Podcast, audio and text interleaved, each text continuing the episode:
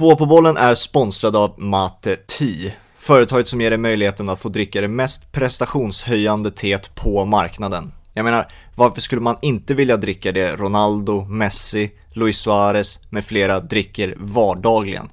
Köp ditt mate-te på mateti.se och använd koden 2PABOL för 10% rabatt på alla produkter. Tack Mate Tea!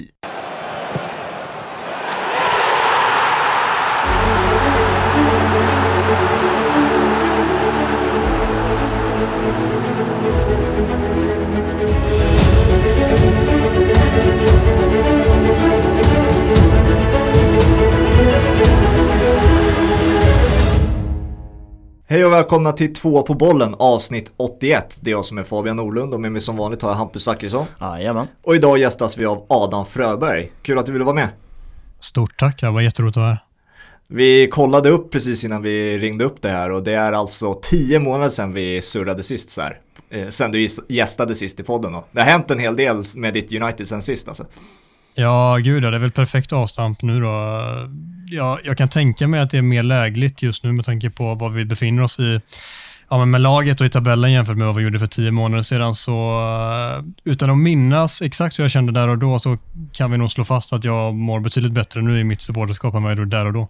Ja, jag minns, jag vill minnas att eh, det enda som var lite positivt eh, under den perioden, det var ju Marcus Rashford liksom. Jag tror det var enda positiva, jag vet inte vad du minns av det avsnittet Hampus, men det var inte mycket. Nej, inte mycket, som... det var länge sedan alltså. Men Marcus Rashford är väl en ständig ljuspunkt i Manchester United, både av och på plan, så att uh, det är, han är, han är en ständig faktor. Det kan jag tänka mig för dig också. Nästan. Ja, fel ja, men verkligen. Ja, så är det. Eh, vi har ju en match mot ditt Liverpool, eh, Hampus, eh, och ditt United eh, i helgen Adam. Och eh, med dig som gäst så ska vi fokusera mer på United-delen av den matchen då såklart. Och eh, jag vill också, jag vet inte hur det är med er, men jag vill liksom inte riktigt stämpla United som en eh, klar titelkandidat än eftersom att det bara har gått eh, hälften av säsongen. Eh, och liksom, vi har sett Tottenham och Chelsea, de var ju titelkandidater för bara några veckor slash månader sedan och vi ser ju hur bra det har gått liksom. Så jag, jag vet inte hur, hur det är med er, om ni ser det här som en seriefinal eller om ni ser det som jag, att det här är en det är en toppmatch, absolut, men att jag inte tar ut någonting i förhand ur Uniteds perspektiv i alla fall. Vad säger du Adam? Alltså seriefinal är det inte, det är svårt att lägga den benämningen på det just nu känner jag också. Sen eh, är det, alltså det är ändå ett lag, United nu, som är som leder ligan efter halva säsongen. Jag tycker att man ska se United som en titelkandidat, men inte som en titelfavorit. Där ser jag både City och Liverpool som större favoriter än United. Och vi får väl se, det blir väl, alltså, vi har ett väldigt svårt spelschema andra halvan av säsongen. Vi möter alla topplag på bortaplan i princip. Vi har ju Liverpool borta nu som första gången vi möter, sen har vi er på hemmaplan Hampus, men sen i övrigt så har vi ju alla övriga liksom Big Six-lag har vi på bortaplan andra halvan. Så det blir en svår andra del av säsongen och eh, här, ingen vet ju fan vad den kommer ta vägen. Det finns ju mycket som kan ställa till en sån här märklig säsong, men eh, kandidat ser jag som en absolut inte favorit. Ja, titelkandidat måste man väl stämpla dem som. Eh, det brukar man ju redan göra. Det laget som leder tabellen vid jul och nyår liksom. Och nu är vi förbi det och United har glidit upp i topp. Så att eh, titelkandidat måste de ju bli. Eh, och sen får vi väl se hur de liksom handskas med det och spelschemat som du är inne på, det blir svårare. Eh, har haft tufft mot topplagen United också så att, eh, men absolut, alltså, titelkandidat är de ju och eh, så som de presterar nu så, ja men senaste månaden har de ju varit bäst i ligan också så att de leder ju helt välförtjänt. Ja, så vi har haft jättesvårt, eller jättesvårt ska vi inte säga, vi har haft det svårare mot topplagen i säsongen än vad vi hade tidigare år, men istället så har vi börjat ta de här poängen mot andra typer av motstånd, alltså de som kanske ligger i mitten och botten, som vi inte gjorde tidigare. Förra säsongen var vi som allra bäst mot topplagen och som sämst mot de som kanske låg eh, så långt ner i tabellen som möjligt. Så där har det skett en skiftning under den här säsongen. Eh, samtidigt som det kanske kan tala till vår fördel i alla fall att vi har fler bortamöten än hemmamöten eh, andra halvan av säsongen mot de här lagen då, eftersom att det är just där vi har varit så otroligt starka den, liksom, den här säsongen och bit in på förra också. Jag tror vi har 15 raka bortamatcher nu utan förlust. Den senaste var ju mot Liverpool då. Mm, ja, vad kan det ha varit precis innan breaket där i, i våras. Och, mm, Det, eller januari var det till, det var typ ett år sedan nu. Ja, Och, exakt. Det var eh, nästan exakt ett år sedan. Ja, men precis. Och det är ju senast vi förlorade på bortaplan, så förhoppningsvis så kan det vara en faktor som om man väljer att titta på den sidan av myntet, att eh, det kan spela in till vår fördel då istället för något annat. Jag sa förra, förra veckans eh, avsnitt att jag tycker United är det mest oklara topplaget just nu. Och dels, alltså anledningen till att jag säger det är ju för den inledningen de hade på säsongen. Så att jag tycker ju den, den biten av United är otroligt intressant nu. Om man jämför med dagens United med hur det var för några månader sedan när man åkte ur Champions League mot Leipzig, blev totalspöd av Tottenham med 6-1 och sådana där matcher. Va, alltså, du som fan, vad ser du vad har förändrats mest mellan de här två olika Man United-lagen egentligen? Jättesvårt att sätta fingret på, precis som du ser. Det är det oklaraste liksom som egentligen är kring United och oklaraste topplaget på det sättet också. Jag kan dels skönja liksom att vi har fått in fler spelare än bara Bruno Fernandes som har börjat prestera bättre och bättre. Och det är så här, ska man lägga, hur mycket vikt ska man lägga att, att det är Solskärs förtjänst eller att det är spelarna som liksom har lyckats tagit sig i kragen efter det. Liksom. Och kanske framförallt då en ganska tydlig vändpunkt efter att vi åker ut Champions League där mot Leipzig och um, kanske en blandning där då att spelarna har tagit sig i kragen och fått sig en, eh, en känga och Solskjaer och lyckats träffa rätt med någonting. De som eh, lyssnar på mig eh, i min podcast, Musspodden, och de som har följt mig på sociala medier vet nog att jag är ganska kritisk till Solskjaer rent generellt, men uh, det går också att ge honom cred för vissa bitar såklart och det, det ska han givetvis ha.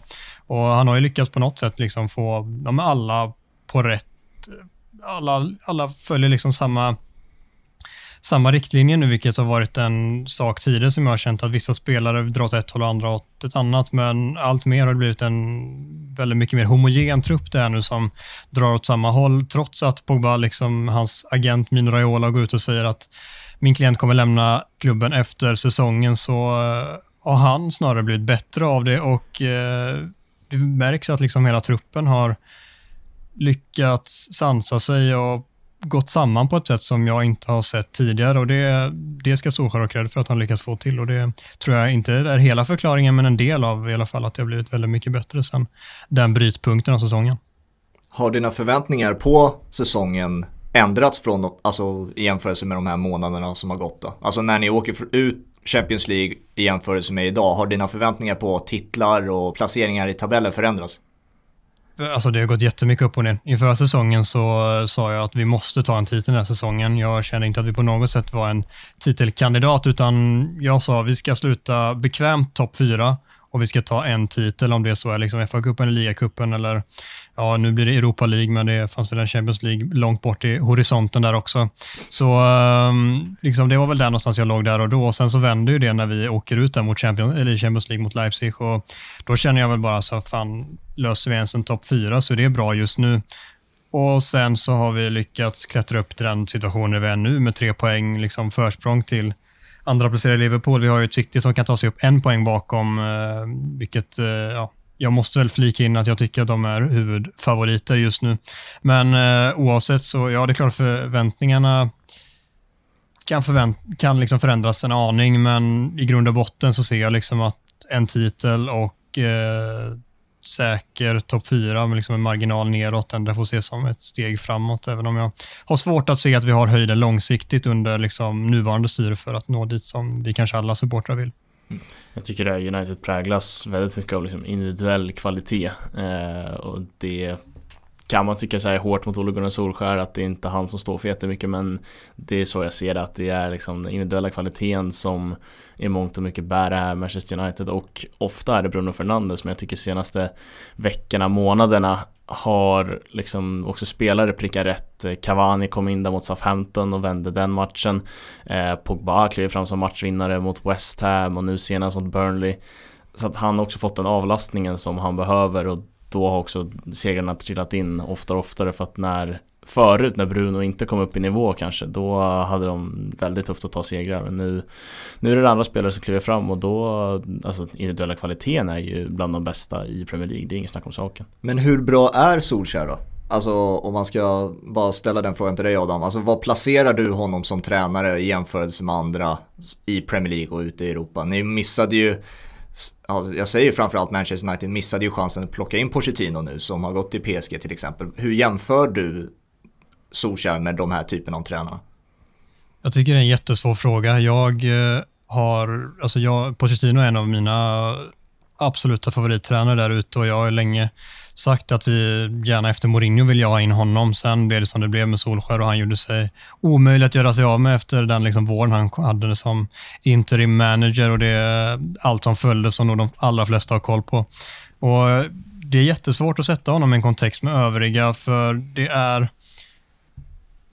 jag ser väldigt många som säger att ja, Solskär är nog inte ens topp 10 tränare i ligan. Men samtidigt så tycker jag att det är så jättesvårt att veta om en trä man får nästan skilja på liksom tränare för toppklubbar och tränare för bottenlag om ni förstår vad jag menar. Det, det krävs mm, helt andra egenskaper för att liksom hålla ett lag kvar, vilket Solskjaer inte alls kunde liksom med Cardiff. Uh, sen hade han ett topplag i Norge med Molde där han vann ligan två gånger. Han vann kuppen en gång. Han tog sig vidare från en Europa League-grupp bestående av Galatasaray, Ajax och ett fjärde lag som i alla fall är på liknande nivå som de andra och sen åker ut mot ett Sevilla som vinner liksom hela Europa League sen i slutspelet. Så han är uppenbarligen en tränare som måste ha bra material för att kunna prestera.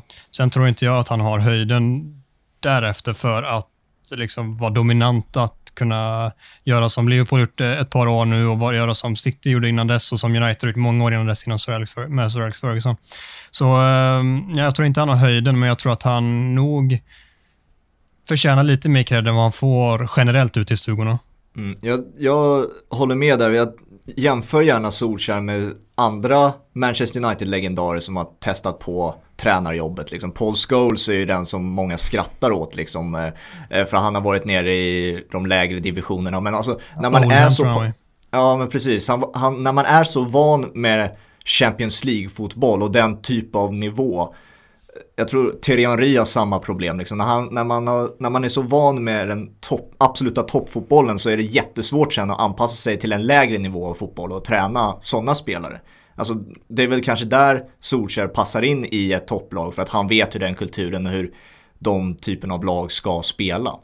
Sen kanske han inte är den bästa coachen men han förstår i alla fall krav i alla fall. Och det är mm. kanske alltså tränare som, nu säger Mourinho är ju en av världens bästa tränare fortfarande men han, har inte, han kommer ju inte från den kulturen att han eh, som spelare har varit van med att vinna titlar utan det har han fått lära sig själv som tränare så att säga. Så det, kan, det kanske finns någon, någonting i det att eh, jag vet inte, vad tycker du Hampus om du jämför med en Jörgen Klopp till exempel som är världens bästa tränare enligt er Liverpool-fans liksom. Mm. Det, det, den jämförelsen är ju svår att dra mellan Solskjaer och Klopp. Ja, jag tycker alltså de allra flesta tränarna i ligan har också så mycket mer erfarenhet och jag som, jag tydligare liksom, ja men tränare. Alltså Ole Gunnar Solskjaer jag tror många fortfarande lever kvar lite att så här, det här är en interimkille som inte, liksom, han ska inte träna ett lag i Premier League men han nu har fått chansen att göra det. Eh, förr eller senare får han sparken. Eh, och då är det lättare att kritisera den killen eh, liksom, hela tiden, även när han gör det bra. Eh, så att jag tror den här, liksom, den här erfarenheten spelar in, att han inte har varit där så länge som de andra har varit och då, då är det lätt att ge den killen skit. Så jag tycker han blandar och ger så extremt mycket och han får inte den cred han ska ha när han gör det riktigt bra. För att alltså, hans facit mot Pep Guardiolas Manchester City som är kanske ett av de bästa fotbollslagen Alltså som, som vi har sett i Premier League är ju ganska bra. Eh, I semifinalerna torskade han absolut, men alltså ett ganska bra ligafacit om man inte helt ute och cyklar. Jo, Där... i båda mötena mot dem förra säsongen och även en, alltså han tre av fyra matcher mot dem förra säsongen. Det eh, säger någonting om någonting kring just det du nämner där. Exakt, och det är liksom, det är ingen som nämner egentligen utan man pratar hellre om när United klappar igenom mot mittengängen, vilket man inte har gjort här på slutet. Eh, och sen får han inte den cred han ska ha för att de inte gör det nu på slutet. Så det, det, är svårt det där. Eh, jag ger inte heller den cred han kanske ska ha för att eh, han, jag tillskriver väldigt mycket den individuella kvaliteten. Eh, vilket man inte gör i de andra topplagen. Men det är svårt det där. Alltså, han mm man håller ju inte som en av de bästa tränarna och då är det lättare att tillskriva liksom kvalitet på laget, deras framgångar. Ja, absolut. Och jag kan ofta tänka att det är vettigare att jämföra honom med tränare som till exempel då Frank Lampard och Mikael Arteta. De, liksom lite samma tendenser där när de har kommit in i sina respektive lag och sen har de kommit olika långt i sina byggen. Solskjaer har varit ett halvår längre i United och har haft fler fönster på sig. Alltså en, ehm, en Lampard i Chelsea har fler fönster på sig då de hade en transferband där i början. Och Arteta har kommit in efter det, så det är såklart, man ska inte jämföra vad deras lag kanske är här och nu, men jag tycker liksom de som tränar är nog lättare att jämföra med varandra. Och sen så givetvis ska man ju ta in de här allra största däromkring i någon form av liksom aspekt och eh, sen en blandad kompott där man ska försöka rangordna dem och det tycker jag är jättesvårt. Men givetvis, alltså Pep Guardiola och Jürgen Klopp är de två överlägset bästa tränarna i Premier League och sen de andra får väl tampas där bakom och i periodvis är det väl någon som står högre än den andra och någon som står lägre. Ja, oavsett vad det här landar i så får man ändå fastslå att eh, alltså Ole Gunnar Solskjaer tillsammans med Manchester United har gjort en fantastisk eh, höst. Eh, och liksom, det är ju något som inte många hade, hade trott på Framförallt inte där alltså efter 60 minuter mot Brighton Då var ju han på väg ut. Då var han på väg tillbaka till Norge liksom. Eh, Sen tycker jag det mesta har vänt efter det eh, Och han, han ska ha cred ändå för det liksom, De leder ligan efter 17 spelade eller vad det är. Eh, Och det, det gör inte vilken tränare som helst. Utöver eh, Solskär så bidrar ju alla tränare med någon slags spel stil, alltså någon, och någon typ av formation och så vidare. Och jag, jag vet du också Hampus, har haft väldigt svårt att liksom precisera exakt vad är det Solskjaer vill med Manchester Uniteds lag. Alltså hur ska de spela, vilken formation. Det, och det kan jag tippa att det har varit lite förvirrande för dig också som United-fan, Adam, som har sett en diamant, har sett en fem och trebackslinje, en fyrbackslinje och allt möjligt. Och det gör det ju även svårare att identifiera potentiella värvningar. Jag vet, jag, du och jag Hampus pratade Sancho, var får han plats i ett lag om United spelar en diamant, liksom, till exempel. Alltså, eh, vad, kan du identifiera någonting hur Solskjaer faktiskt vill spela? Alltså rent spelsystemsmässigt så upplever jag att det är ganska klart att hans högsta preferens är att spela en 4-2-3-1 variant med där han nog gärna vill att en av de två sittande ska vara en som kan följa med lite högre upp och vara mer bollfördelande och den andra ska vara mer av en renodlad defensiv mittfältare. Jag tror att det är där han liksom det är hans högsta preferens och det är dit han vill ta laget, men att av olika anledningar så har han fått laborera efter motstånd och efter spelarmaterial etc. etc. Och en, till exempel då Edon Sancho som du nämnde nyss är en som givetvis han vill ha in på en högre ytterposition där vi egentligen saknar en tydlig spelare, vem som ska cementera den platsen. Mason Greenwood har spelat där periodvis och gjort det väldigt bra periodvis.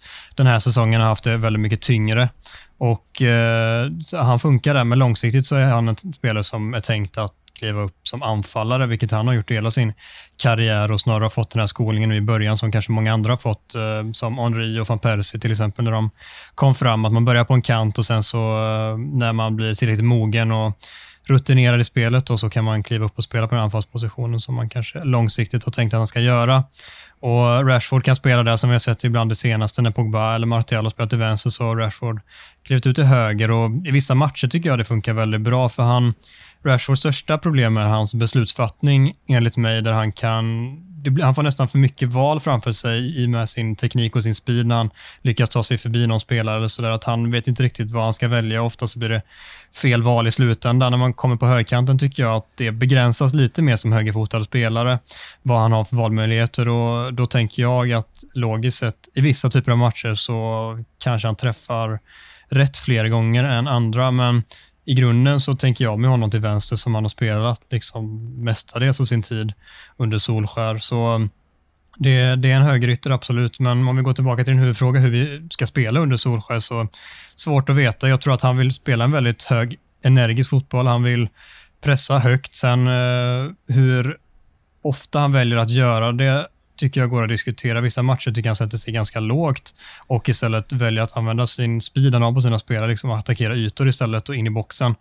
Och eh, Sen om det liksom har varit mer för att han inte känner att laget är redo att eh, liksom vara mer dominanta i matcherna, det är jättesvårt att säga. Jag tycker att vi borde kunna se mer spelmönster efter två år liksom, med honom vid rodret för att eh, jag ska vara helt bekväm att vi kommer nå dit långsiktigt som andra United-supportrar ser med Solskär. Jag, jag ser inte riktigt att han lyckats implementera den sortens anfallsfotboll som man behöver för att bryta ner de typ alla typer av motstånd så som Liverpool har kunnat göra. De har dominerat matcher och City inte minst som har kanske varit bäst på det de senaste åren. Att verkligen ta tag i bollen och bryta ner motståndet oavsett hur de väljer att försvara.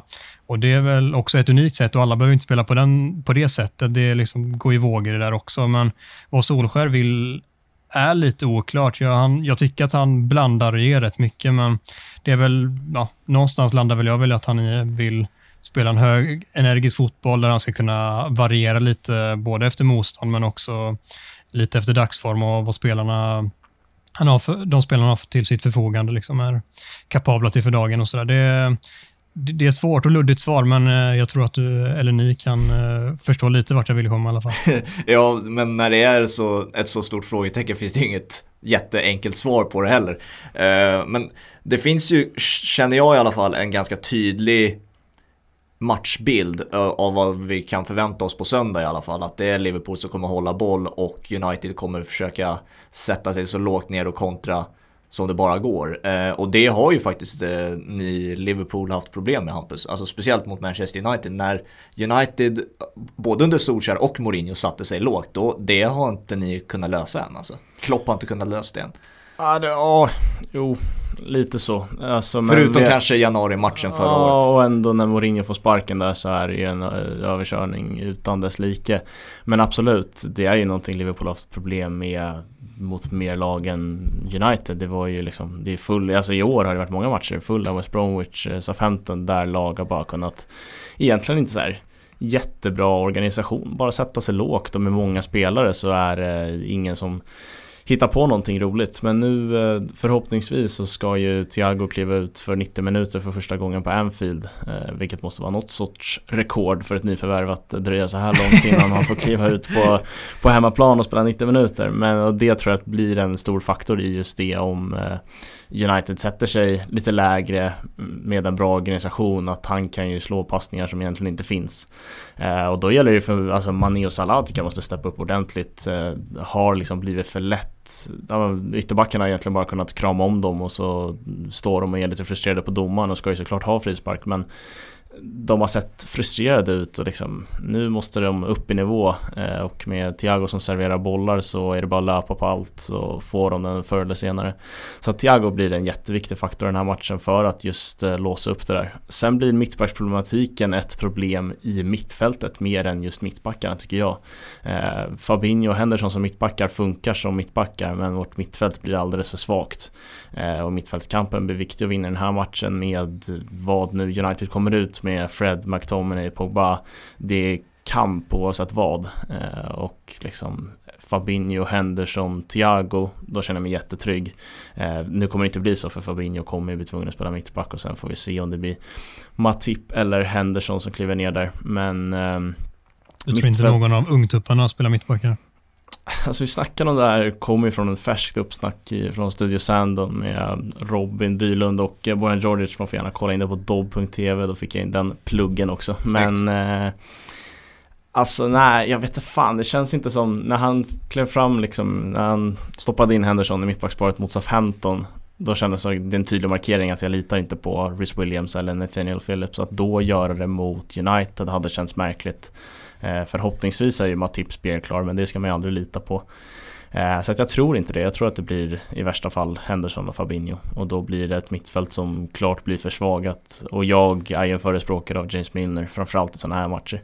Eh, låt han ta kampen och sen kan Thiago och någon mer, eh, Wijnaldum, ha det roligt på mitten istället. Så att, nej, det blir problematik, stor problematik för Klopp att lösa. Thiago blir i alla fall matchens viktigaste spelare på förhand. Men här, den här problematiken du är inne på nu med Liverpools alla skador, framförallt Van Dijk och att du måste plocka ner mittfältare ner i backlinjen, det är ju en av många anledningar såklart, men en, kanske den viktigaste anledningen till varför den här matchen är så pass jämn nu på pappret mellan United och Liverpool. Det var länge sedan det var så här jämnt och jag kan tänka mig att det var länge sedan eh, du Adam kollade på ett United som tog sig till Anfield och var så här hoppfull om att ta hem tre poäng. Alltså hoppfull är jag absolut inte. Vi möter något Liverpool. Var, när förlorade ni senast Anfield? Då stänger vi den dörren. Sen, eller, ja, exakt. Någonstans där. Men absolut, så här, vi är ju betydligt närmare en, en seger än vad vi kanske varit på väldigt många år. Sen eh, beror det jättemycket på att det kanske inte är någon publik, vilket i sig är fruktansvärt tråkigt när vi får ett sånt här möte mellan de här två lagen och båda ligger etta och tvåa första gången sedan typ 07-08-ish. Och det, det är fruktansvärt tråkigt bara det, men eh, det är liksom en faktor som gör att det inte är lika skräckenjagande att åka västerut till Merseyside och eh, och dels den mittbacksproblematik som du säger, som jag helt håller med om, blir snarare mittfältsproblem för i slutändan. Även om det såklart är skillnad på att ha en Henderson som mittback än en van Dijk så är det större skillnad för att inte kunna ha Henderson Fabinho på mittfältet. Och Jag förstår din tanke där att det hade känts väldigt, väldigt tryggt att kunna ha Henderson, Fabinho och en Thiago där. Då, då ska inte ens McFred, som vi väljer att kalla det i supporterled, kunna stoppa det.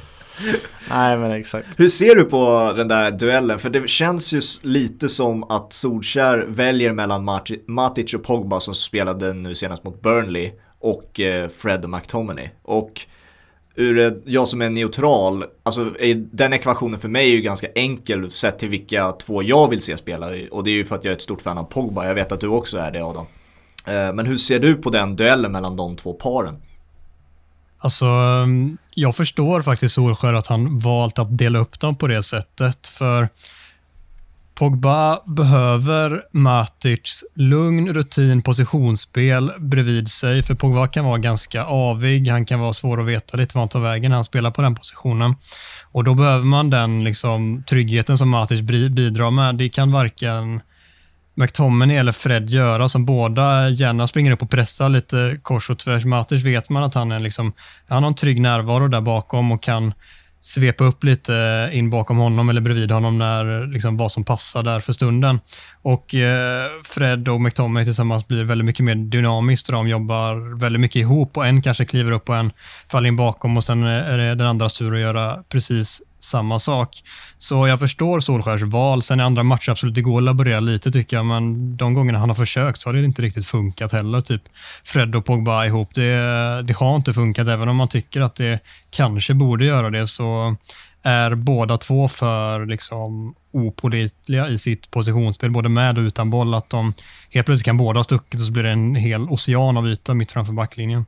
Och eh, Att blanda in McTominay där har vi också sett, han är lite samma tendens, även om han kan ha lite mer bakåtsträvan och tänka lite mer defensivt på vissa sätt, liksom, så blir det inte riktigt optimalt. Så det har blivit en, ty en ty liksom tydlig uppdelning mellan de två paren där han har matchat olika beroende på motstånd. Och att vi får se Fred och McTominay ser jag som självklart i den här matchen. Sen tror jag att Pogba kommer starta också dock, men det blir som en kant, som på en kant och som vi spelar mot Manchester City i kuppen.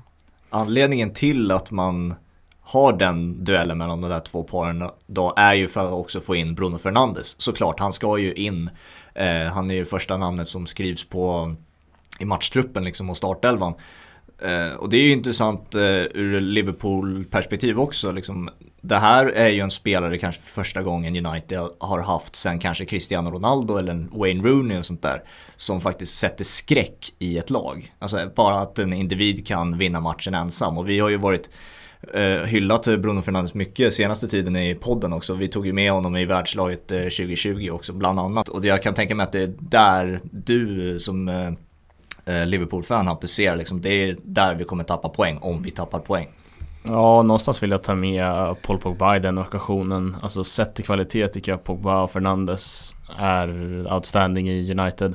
Eh, inställningen har alltid funnits hos Bruno Fernandes och det är en inställning jag verkligen liksom ser på med Ja, men alltså jag gillar den inställningen så in i helvete när han efter bara några veckor i klubben liksom springer och hämtar bollen när de liksom kvitterar i 80 eller någonting så här Bruno Fernandes vill vinna och oavsett om de kvitterar i 90 eller eh, tidigare än så. Eh, och sen tyckte jag, tyckte jag såg en glöd i Pogbas ögon borta mot Burnley som inte har funnits där tidigare. Det var, det var ett annat go i den killen och då är han en av världens bästa mittfältare.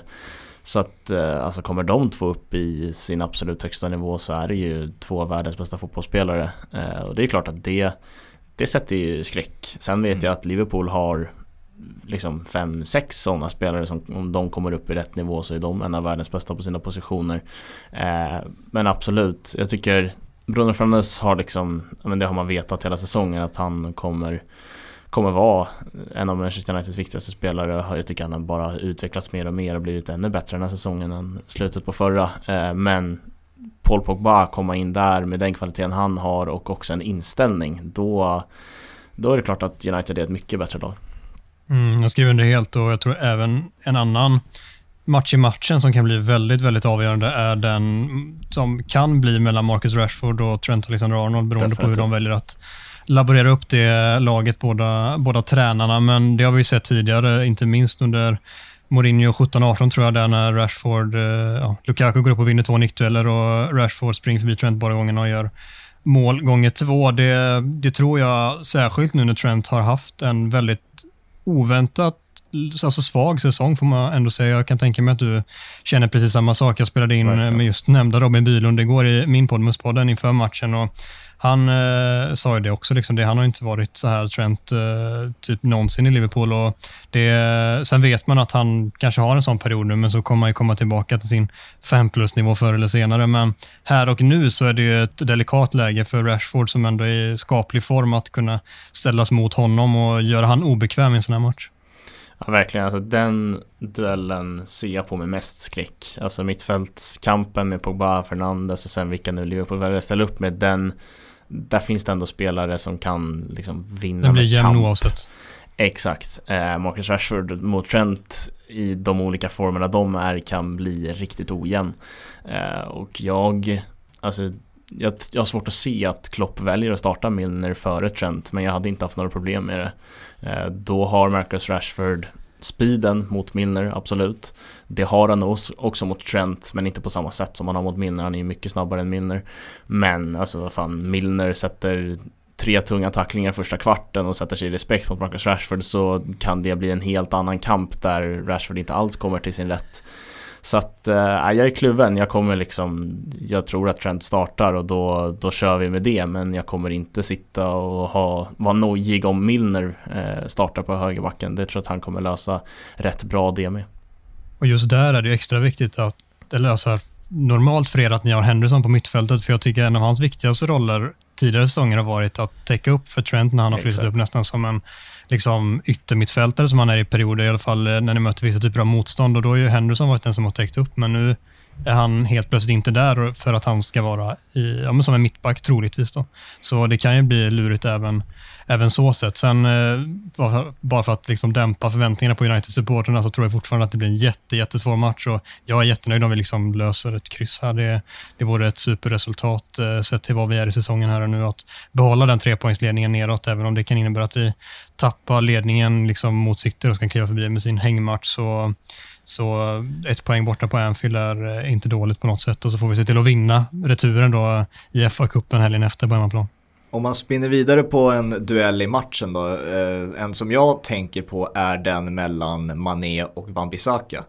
Eh, jag ser Mané i alla toppmatcher i princip göra mål. Eh, nu är det säkert inte så, Salla eh, gör väl sina mål han också i toppmatcher, men det, är, eh, det jag kommer att tänka på är tidigare United-matcher, Mané har gjort mål och Chelsea, nu gjorde han väl två på Stamford Bridge den här säsongen och sånt där. Men Van Bissaka har ju alltid en fördel en mot en, framförallt mot Sterling tänker jag, när den toppmatchen är mellan City och United. Eh, och om han skulle kunna få samma stopp på Mané, då skulle det kunna vara en matchavgörande duell också. Ja, alltså de är väl ganska snarlika mot en Sterling och Mané. Sen tycker jag att Mané mm, som spelare har en högre höjd i sig. Men Fabisaka är ju en ytterback som nästan gillar lite att hamna på efterkälken så att han kan köra sina glidtacklingar liksom. Så att han, han har inga problem med att möta en spelare som är snabbare än honom. För att han har, alltså glidtacklingarna, där är han bra precisions liksom säker så in i bomben. Eh, och sen någon gång kostar det väl liksom, alltså det är väl bra att spela på hörnor i den här matchen kanske. ja. Famisaki är en grym spelare att skicka ut i hörnor. Eh, och någon gång drar han väl på sig någon frispark men han är i regel ganska precisionssäker. Eh, på just glidtacklingarna och han har inga problem med att möta en kille som är snabbare än honom. Eh, så att där, alltså, den är ganska jämn den duellen tycker jag. Eh, intressantare blir väl andra sidan att eh, Salah ska ställas mot eh, Jag fattar inte vad som hänt med Alex Telles. Jag, jag är inte United-supporter så att jag följer inte vänta, liksom, heter, han, heter han Telles nu då? Tellis. Ja, Tellis, Tellis, Ja, Tellis. Ja, faktiskt. ja, ja, då kan vi börja säga Fernandes också eller? Exakt, Ja, exakt. man, man väljer när det, är, när det är viktigt med rätt uttal. Men, eh, nej men vad, vad händer där med vänsterbacken? Luke Shaw och Alex Telles. eh, Vem startar? Eh, givet att det blir Luke Shaw. Han har faktiskt utkonkurrerat Alex Telles den senaste månaden kan man väl säga egentligen. En och en halv månad kanske. Han har steppat upp ordentligt. Så, alltså så här, först och främst vill jag bara klargöra så ingen tror att jag håller honom jätte, jättehögt. Jag tycker fortfarande att han är ganska begränsad spelare och särskilt när vi har en defensiv högerback så behöver vi en offensiv vänsterback för att balansera upp det på något sätt. Men den senaste tiden så har det ver- verkligen märkt av att Luke Shaw har tagit konkurrensen han har fått av Alex Telles på helt rätt sätt, vilket man hoppades att det var så det skulle bli när vi tog in en liksom, ja men, ganska högt aktad vänsterback i Alex Telles från portugisiska ligan och Porto. Så han har tagit en helt rätt och liksom gjort den platsen till sin att förlora nu istället, vilket var kanske ett annat utgångsläge för ett tag sedan när Telles kom in när Shaw var skadad och ändå gjorde det okej utan att så här över, överimponera så gjorde han ändå bra och då kändes det snarare tvärtom. Och Shaw har tagit tillbaka den. Det är, det är en nyttig konkurrenssituation vi har där just nu. Sen hade jag gärna sett Telles kanske i några fler matcher, till exempel den mot Burnley senast. Hade jättegärna sett honom spela istället för att vi behöver hans offensiva kvaliteter mer än vad vi behöver Shaws defensiva i en sådan match. Så jag tycker Solskär kan laborera lite mer emellanåt, men eh, just nu är det, ja, det är inget snack om saken att Shaw startar mot, eh, mot Liverpool när vi framförallt behöver någon som kan matcha Salah i snabbheten lite grann i alla fall. Eh, Telles är lite långsam, men Shaw, Shaw är rätt snabb, kanske framförallt första metrarna där han eh, oftast är väldigt, väldigt snabb och kan hänga med. Så jag tror eh, att det blir ett ganska enkelt val för Solskär just den här matchen. Ja, det är många intressanta matcher i matchen och där alltså Rashford Trent eh, lite lika med Shaw och Salah där liksom det ändå har potential till att bli rätt ojämnt i den kampen att Salah har ett övertag trots att Shaw är formstark. Och alltså Salahs bild på Instagram, vilket fysiskt monster han är. Eh, Och det har man ju sett när han liksom, när typ Koulibaly hänger honom i ryggen liksom bara backar Backar förbi honom egentligen eh, så att Och fysiskt han- monster är inte något som Shaw är, kan vi väl fast. Nej exakt, så att, alltså, Salah är riktigt stark även i liksom närkamperna Men nej, det, alltså, det finns ju Det, det är 11 intressanta matcher i matchen i, i den här matchen och det och så har vi en tolfte vid sidan av planen också. Ja definitivt Så att nej, det är alltså hyperintressant möte på alla sätt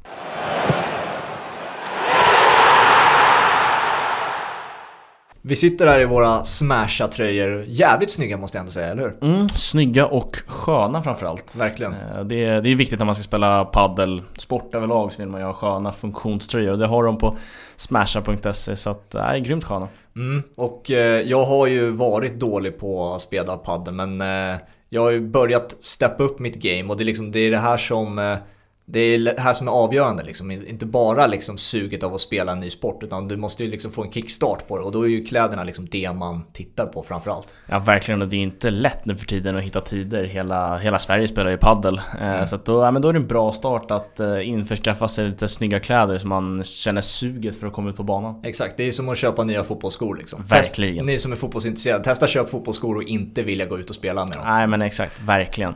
Så att eh, smasha.se är det som gäller. Två pa bollen för 25% eh, rabatt. Löjligt. Ja, löjlig rabatt. Så att det, det är inget att, nej, inget att fundera på egentligen. Det är bara in och eh, shoppa loss helt enkelt. Gör så på smasha.se.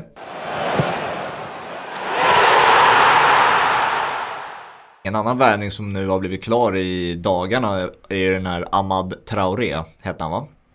Ja, Amad Diallo har han valt att bli kallad faktiskt. Så vi får men väl, han, eh, han är en. Traoré. Han är en Traoré. Ja, Ja. Amad Diallo tror jag det heter, men har valt att det är bara Amad Diallo han vill bli kallad. Så vi får väl hålla oss till det då. Okej, sorry. Diallo då. Eh, blev klar i somras va? Eh, om jag inte minns fel, men han kommer nu. Eh, förväntas han spela någonting? Jag säger inte nu mot Liverpool, men alltså den här säsongen. Eller kommer han bara tillhöra reserverna och försöka slå sig, slå sig fram liksom? Alltså vi värvade ju i samma veva en ung uruguayan i Facundo Pelistri som eh, jag trodde att eh, Amadiallo skulle få liksom samma inskolning nu, att man tränar med seniorlaget, men spelar matcher med reservlaget, alltså U23-laget, eh, för att skolas in till den engelska fotbollen och lite akklimatisera sig till en ny livsstil och en ny typ av fotboll och allt liksom däromkring. Men det senaste så mycket som United ändå har slått på den stora trumman får vi säga med presentationen av Diallo med intervjuer och bilder på ett helt annat sätt än vad man gjorde med Pelistro och gett han nummer 19. Liksom. Pelistro vet jag knappt om han har fått ett nummer än. Liksom.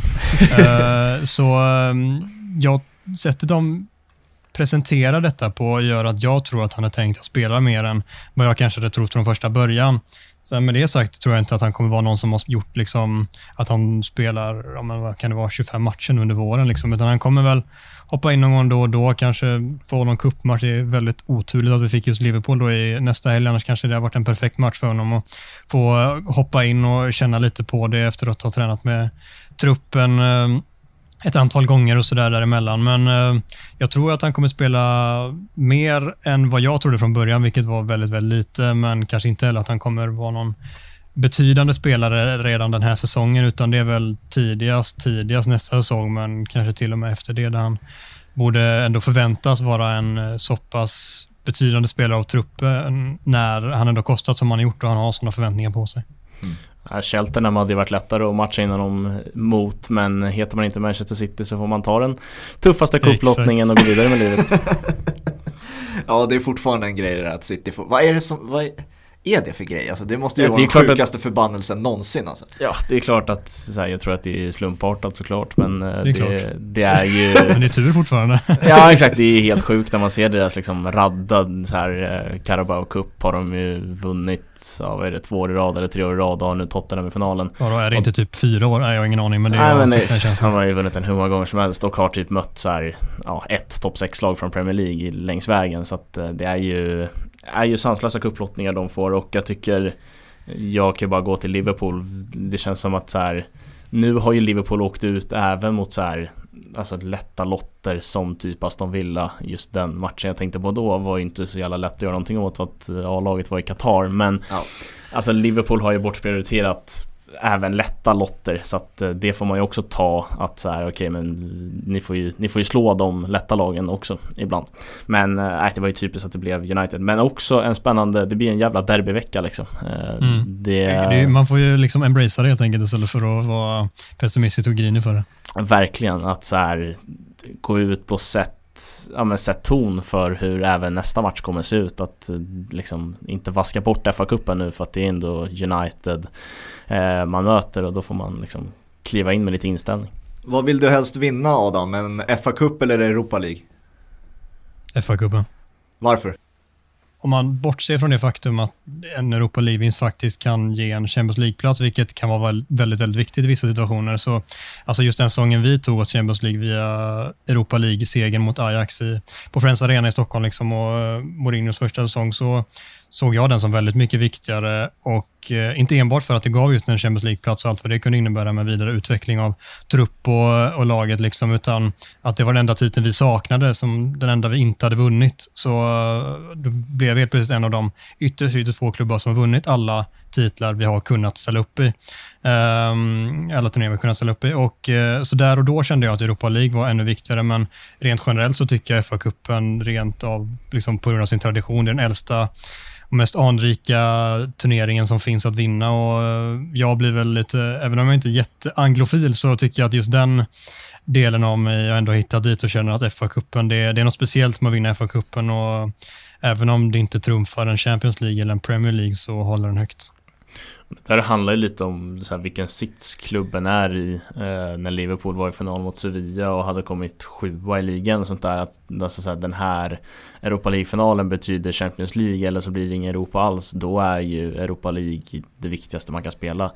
Eh, men när United ändå är en ganska bra sits, man leder serien och topp 4 känns ju helt klart görbart.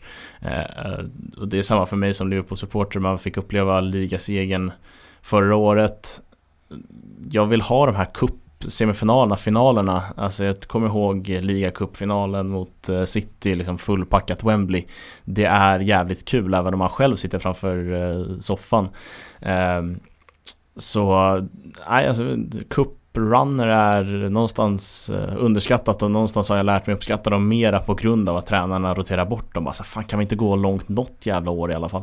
Ja, för att jag tänker också internationella spelare som numera spelar i Premier League, det är inte bara engelsmän numera. Eh, och jag tror det påverkar också för att många säger, jag vet Zlatan när, när de tog hem en, eh, den där Europa League som du var inne på Adam där vid 16-17 där. Och Zlatan skröt om att eh, han har pl äntligen plockat hem en Europacup-titel. Bara en sån sak, jag tror många liksom rankar det högre numera, dagens spelare i jämförelse med en inhemsk cup. Liksom. Och de har ju inte koll på his eh, historien bakom FA-cupen. Liksom. Och jag, det kan ju också vara en påverkande grej, både, så, både från tränarna och spelarna, att de hellre tar hem en Europa League av just de anledningarna. Ja, ja men verkligen, verkligen. Och sen också nu alltså, utan publik, jag tycker finalen på Wembley är något speciellt. Där det är liksom 45 000 biljetter till ena laget och 45 till andra. Nu är det inte riktigt så, det är en jävla massa annat folk som ska ha biljetter också. Ja, men men 25-30 i alla fall per lag är det väl? Exakt, det blir väldigt mycket. Alltså det blir två tydliga liksom, färgskalor. Oftast eh, blir det svårt om det är Liverpool och United mot varandra. Då blir det väldigt rött. Men det finns något fint med det också. Alltså att det blir, det blir tydligt. Där har vi de fansen, här har vi de fansen och sen mm. är det ett jävla röj hela den fa Cup-finalen liksom. Så att, eh, nej, jag är också som Liverpool-supporter skulle gärna se äh, Ta gärna sex poäng mot United alltid i de här två matcherna. Men äh, alltså Får jag välja så tar jag ligaseger om jag bara får, får ta en. Men jag saknar fa Cup-runs. Som äh, avslutande då Ska vi tippa matchen då på söndag och jag kan väl börja egentligen. Jag ser den här matchen precis som det blev på Old Trafford får se förra säsongen nu. Det blir en 1-1 match, en jävligt eh, tråkig en. Eh, det, det, är liksom, jag är pessimistisk när det kommer till de här toppmatcherna numera för att det finns en så tydlig Det finns ett tydligt lag som håller i boll som jag redan varit inne på, ett tydligt lag som ligger lågt ner i banan Och, och ingen vill förlora. Exakt, så det kommer bli 1-1 även i den här matchen. Men vad tror ni då, eh, ni supportrar? Jag är väldigt glad att jag slapp tippa den här matchen i Studio Sand som jag spelade in tidigare i veckan eh, Men Ja, jag håller ju på med jinxar och anti-jinxar och allt möjligt eh, Men jag tror att så här, nej, Liverpool förlorar inte den här matchen. Eh, det gör de inte. Sen eh, vet jag fan om jag är så speciellt sugen på att tippa att de vinner den heller. Men jag gör väl det bara för att Fabian tippar kryss, då tänker inte jag sitta och vara lika tråkig som han. Bra. Jag tror att det kommer att vara ett jävligt uppskruvat möte. Eh, jag tror inte det blir sådär tråkigt som du är inne på Fabian, nej. även om jag förstår vad du menar. Man kan ju hoppas. Ja, definitivt. Men det kommer vara för att jag tror att Ole Gunnar Solskjaer och Klopp har tryckt på hela veckan här även om United hade eh, Turf Moor innan de liksom fullt kunde förbereda sig eh, på den här matchen så har de gått och tryckt på den här veckan att det är den här matchen som är liksom, ja men det är årets match, den kommer bli otroligt viktig. Eh, på alla sätt och vis, eh, liksom rivaliteten, vart de ligger i tabellen. Så det kommer bli uppskruvat. Eh, vi säger väl att Liverpool vinner med 2-1 i slutändan. Du då Adam? Eh, jag måste ju stå fast vid det jag tippade igår i MUS-podden och då Alltså, även om jag gillar att helgardera mig såklart så får jag väl ändå stå fast vid det och då um, tippade jag att uh, Salah gör 1-0 i omkring 30 minuten och sen så kvitterar Bruno Fernandes i 94 på en feldömd straff efter slutsignal. Yes, fan vad fint. Det känns rimligt faktiskt. Då blir det Twitterkrig sen. Det, det uppskattas också ja, alltid vilket... mellan Liverpool och United-fans. Ja, vilket röj det hade blivit på en, en feldömd i 94. Du som är alltid delaktig i de där Twitter-striderna, hur upplever du dem? Jag, jag tycker alltid det är roligt som neutral att läsa dem efter matcherna oavsett vilka som har spelat, om det är Liverpool eller United alltid deltagit. Det, det är bra epitet att sätta på. Nej, men det, jag tycker det, alltså vad fan. Sen det viktigaste tycker jag, vilket jag alltid är noga med, är att man har liksom, respekt mot varandra och inte går Nej. over the top, vilket vissa kan göra. Men så länge det hålls på en liksom, rimlig och sansad nivå så tycker jag det är bara att spä på det liksom, supporterskapet och rivaliteten mellan klubbarna, vilket jag tycker att man ska anamma snarare än liksom, skälpa. Så håller på rätt nivå så är det bara jätteroligt tycker jag. Tyvärr ofta är det något konto, så här username 1744 som liksom skapade kontot igår och bara går in och skriver liksom trött, tröttsamma saker. Men nej, alltså jag tycker Twitter, Twitter är kul, man kan ju liksom väl, alltså man är ju oftast när man har vunnit en match så går man gärna in och skriver lite olika trådar och torskar man så slänger man ifrån sig telefonen i en halvtimme. man hårdrar gärna allt lite extra också. Ja, verkligen. Nej, så det, det är bara kul med lite, alltså jag är väldigt svårt att ta, liksom, ta åt mig saker som skrivs på det även om jag inte har fått någonting sånt egentligen. Jag skriver inte speciellt mycket trådar ändå. Men att det, det är mycket banter liksom, det får man ta. Det ser vi fram emot. Eh, du Adam, du ska ha ett stort tack att du ville gästa och ville vara med. Stort tack, det var jätteroligt. Eh, ska också berätta var vi kan hitta dig på sociala medier och sånt där. Ja, ni kan hitta mig på Adam Froberg på Twitter och eh, Musspodden specialdriver jag, vilket är en del av Musspodden, så checka in det kontot också om ni är sugna på mer United-content. Yes. Ja, nu finns det ju mängder med eh, matchuppladdning inför Liverpool United. Ni som har lyssnat på det här avsnittet har ju fått en hel del. Eh, Musspodden har ni och Studio Sandern har jag spelat in så att eh, det finns att ladda upp med så man kommer vara väl förberedd när eh, studiograbbarna i Viasat drar igång. Eh, oss hittar ni i alla fall på sociala medier via Instagram och Twitter. Två på bollen Instagram, två bollen Twitter och sen nu även tvåpabollen.se där vi ska bli lite mer eh, aktiva. I alla fall jag drog igång eh, bloggen här för en vecka sedan så att eh, vi kör på. Det gör vi. Får ni ha det så bra alla ni som lyssnat så hörs vi igen på tisdag. Det gör vi. Ciao då. Ciao.